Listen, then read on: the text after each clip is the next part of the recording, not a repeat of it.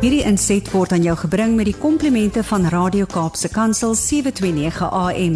Besoek ons gerus by www.cape pulpit.co.za.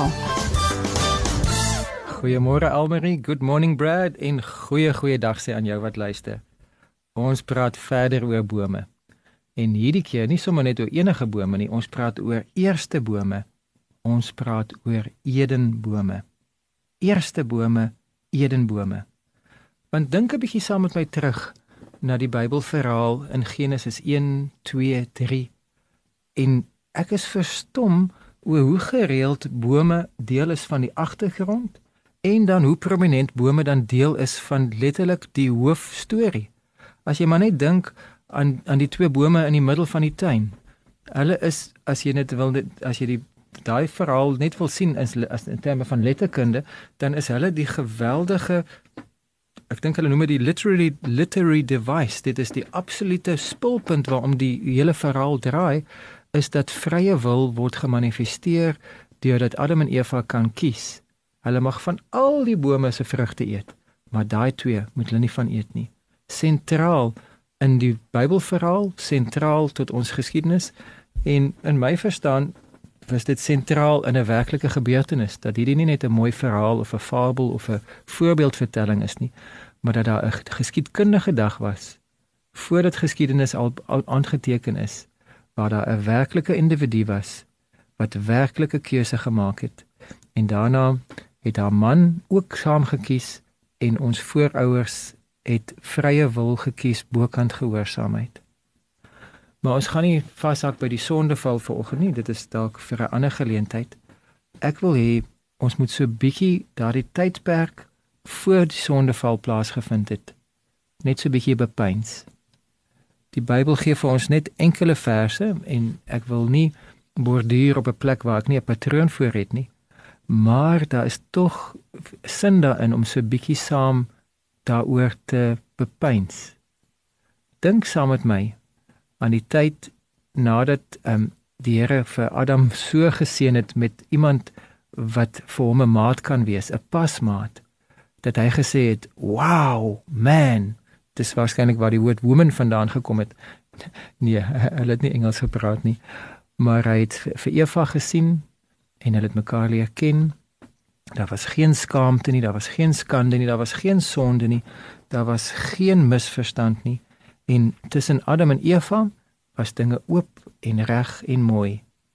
En tussen Adam en Eva en die godheid was dinge oop en reg en mooi. Geen sonde nie, geen skuldgevoel nie, geen selfbewustheid nie, net vrymoedigheid. Die woord is so duidelik dat ons dien 'n drie-enige God, een God in drie persone. En daai is 'n misterie wat ek nie eers wil begin om te probeer verduidelik of aanpak nie. Ek wil ek wil net weet dat dit was nodig dat God kan nie net 'n enkelvoudige singulêre eh, entiteit wees nie, want liefde moet kan gee en ontvang. En net soos wat daar 'n verskil is tussen selfliefde as ek net myself liefhet, dan is dit een vorm as ek dan uh, in in 'n huwelik intree en ek het 'n ander lief, dan is dit 'n hoër vorm van liefde. So is daar weer 'n volgende vlak as ouers saam hulle eersgeborene saam begin lief hê en hulle sien in hulle eersgeborene die vrug van hulle liefde en hulle sien saam dat hulle liefde wat hulle vir daardie nuwe geboorte babatjie het ook die liefde vir mekaar bevestig en dat dit net so mooi is. So 3 is eintlik die eerste plek waar liefde in gemeenskap en community kan gemanifesteer word ek glo dit is nie toevallig. Daar is nie so iets soos toeval by die Here nie. Hy weet te hy weet te goed. Maar ja, die Here ons God is een God, maar een in drie persone. Vader, Seun, Heilige Gees. En Heilige Gees het homself in, oor al die, die al die Ou Testament profete en ook in die Nuwe Testament altyd bekend gemaak as 'n simbool van wind, van asem. Beide die Hebreëse woord ruach ruach en ook die die Griekse pneuma het albei verwysings na wind en na asem. So dit is die wind buitekant, maar ook jou asem binne in jou letterlik ons lewensasem. En dan praat Genesis reg daar aan die begin van die boek van die tye wat Adam en Eva in the cool of the evening they walked with God. En daar was 'n geritsel in die bome gewees. En daai ritsel was as gevolg van 'n wind. In my verstaan, my beperkte interpretasie is dat daai wind verwys na Heilige Gees. Dat Vader in in 'n gedaante wat ek ek nie eers my verbeelding kan aktiveer om te dink hoe hoe majestueus en hoe heerlik Vader moet wees as hy homself manifesteer. Vader het geloop. Jesus wat ons dan nou as Immanuel God met ons selfs al is dit natuurlik lank voor Maria aan hom geboorte gegee het kon hy in sy aardse liggaamlike liggaam gemanifesteer het. Maar um, die, vle die die God het vlees geword en Immanuel het tussen ons kom leef. Dis natuurlik histories later dit gebeur uh, met uh, in in Bethlehem met die geboorte van Jesus maar dit kan wees dat Jesus alreeds homself so bekend gemaak het as 'n 20-jarige 30-jarige Joodse jong man of 'n jong man met Joodse voorkoms daar was nog nie eens Jode gewees op daai stadium nie. Daar was nog nie verskillende nasies nie. Maar jy kan hoor hoe ek rondvat vir begrippe en en en waar ek so tekort skiet en die Here gee spesifiek vir ons nie detail nie maar ek glo ons kan in gesprek tree met hom en vra Here hoe was dit in daai tyd dat hierdie nie 'n plek is om antwoorde te soek of selfverseker te sê dis hoe dit was om om om 16:45 elke middag het het, het die die Here in gelid gestap met Adam en Eva aan weerskante. Dit is nie ons ons wil nie probeer feitelik wees nie. Ons wil nie probeer voorskrifklik wees nie. Maar ek wil hê ons moet net so vir 'n oomblik ons verbeelding toelaat om onsself in te dink, hoe kon hoe was dit dalk moontlik? Hoe was dit dalk moontlik daai interaksie voor sonde? Toe die eerste bome nog net gepraat het van vrug en geen van die bome begin verwys het na sonde nie. Daar was nie 'n sondeval nie. Daar was nog nie 'n boom wat nodig was vir 'n kruishout nie. Daar was nog nie nodig vir 'n prys wat moet betaal word om sonde te vergewe nie, want daar was letterlik nog nie sonde nie. Geen verkeerde keuse is nog gemaak nie. Alle keuses was nog in lyn met God se wil. Alle keuses was nog behaaglik. Alle keuses het vreugde voortgebring. Alle keuses het vrylik geloop. Daar was 'n 'n openhartigheid. Daar was nie so iets so sinisme of bitterheid nie, want daar was nou niks om na te verwys wat jou sinies maak nie. Want alles loop reg, altyd reg, want daar is geen sonde. Daar is letterlik geen verwysing van pyn nie. Daar is nog nie eers nodig gewees vir die vloei van bloed nie. Daar was nog nie 'n konsep van dood nie. Adam en Eva sonder skaamte kyk die Here in die oë. Kyk vir Ava Vader kyk vir Jesus die Christus kyk vir hoog Heilige Gees in die oë ek weet nie hoe dit werk nie ek weet nie of of of uh, die drie eenheid werklik in drie verskillende persone homself gemanifesteer het of as 'n konglomeraat van die van die godheid nie maar dit geloop in vryheid en in vrymoedigheid en daar was geen geen geen skaamte nie nou Ek glo dat daai dieselfde vrymoedigheid is vir my en vir elkeen beskore as ons eendag van aangesig tot aangesig voor die Here staan in die troonkamer. Ons wat gewastes is van die bloed, ons wat Jesus gelowiges is, ons het 'n vooruitsig that we will thrive one day in the sweet by and by. Maar beteken dit nou dat ek that I will just barely survive down here while I'm hoping for a steak on the plate here and now? Nee, ek glo nie dat ons net moet 'n toekomsverwagting hê nie. Ons moet wel die hoop hê van die ewige heerlikheid. Maar ek glo dat hier en nou te midde van moeilikheid, te midde van swaar kry, te midde ook van die gevolge van sonde en ons vrye wil, kan ons thrive, kan ons gedei. Want dit is nie die dood wat ons red nie. Dit is Jesus wat ons red. En ek kan lewendig wees, foute maak, vergifnis beleef en dan aangaan en nog steeds met 'n vrymoedigheid met die Here loop. Tussen spreadsheets deur waar die waar die eh, uitgawes kolom net soveel meer is as die inkomste kolom.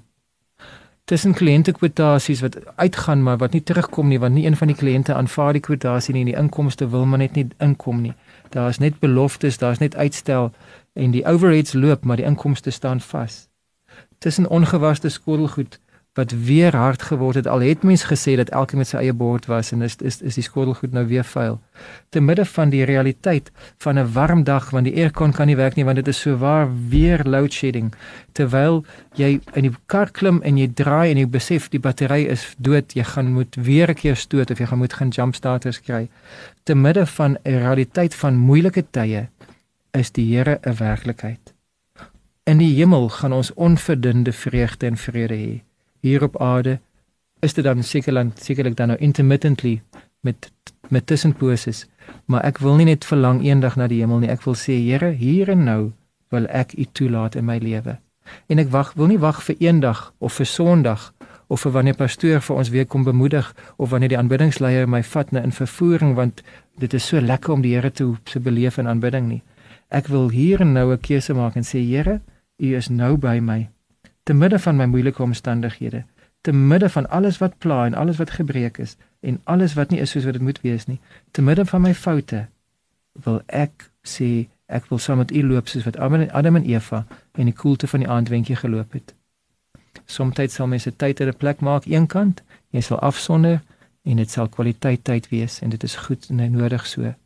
Maar ek wil die Here vertrou dat ek nie net in ideale omstandighede sy teenwoordigheid sal ervaar nie ek ken 'n 'n vrou wat as die eggenoot van 'n besige ingenieur en as die ma van twee briljante hoërskoolkinders wat sportmense is en wat geweldig aktief is, is meer op haar bord het as wat haar dag voor tyd het. Daar's die heeltyd meer dinge wat sy moet negotiate. En dan is daar nou nog 'n oorseese Belgiese uitreilstudent wat sy moet voor gasvrou wees.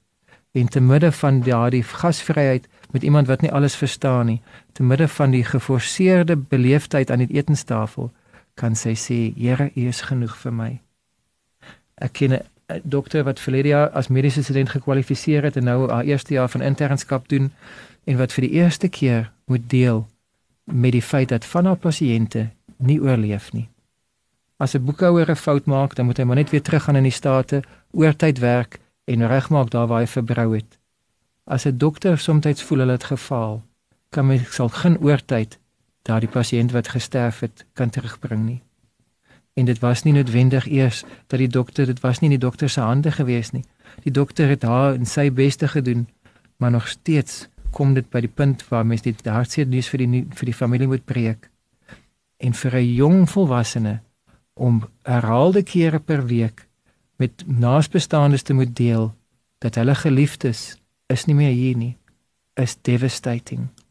Maar sy hou vas aan die Here. Sy sê because i'm a christian i can face this pain and i want to be a messenger of hope to those have, who have lost their dear one.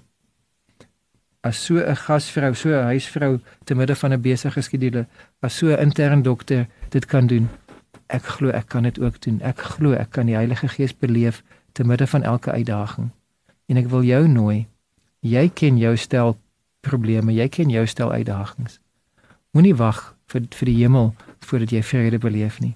Moenie eens wag net vir Sondag of vir die Bybelstudie voordat jy so 'n bietjie asem skep nie. Gaan aan, wees beslis deel van die erediens, wees beslis deel van die Bybelstudie. Maar weet dat die Here hier en nou daar agter jou stuurwiel, daar waar jy nou is, daar in jou in jou voorkamer, net mooi daar waar jy is, dat hy jou wil kom ontmoet en wil sê ek is genoeg vir jou en dan mag selfs 'n briesie waai soos wat sy vrede jou kom. Maar al is dan nie 'n uiterlike briesie nie, kan 'n ruige Heilige Gees deur jou hart waai. Kom ons maak die deure van ons hart oop vir daardie bries om in te waai. Kom ons bid saam. Dankie Here dat daar 'n tyd was wat ons as mense in volle openheid met U kon leef. Dankie dat daar weer so 'n tyd gaan wees en dat ons 'n ewigheid ingaan sonder struikelblokke en sonder trane. Maar Here hier en nou wil ek U toelaat. Nog voordat iets verander, nog voordat iets regkom, nog voordat ek myself reggeruk het, wil ek sê Here, maak U teenwoordigheid bekend aan my. Ek maak myself oop vir u gees. Waai deur my, gees van God.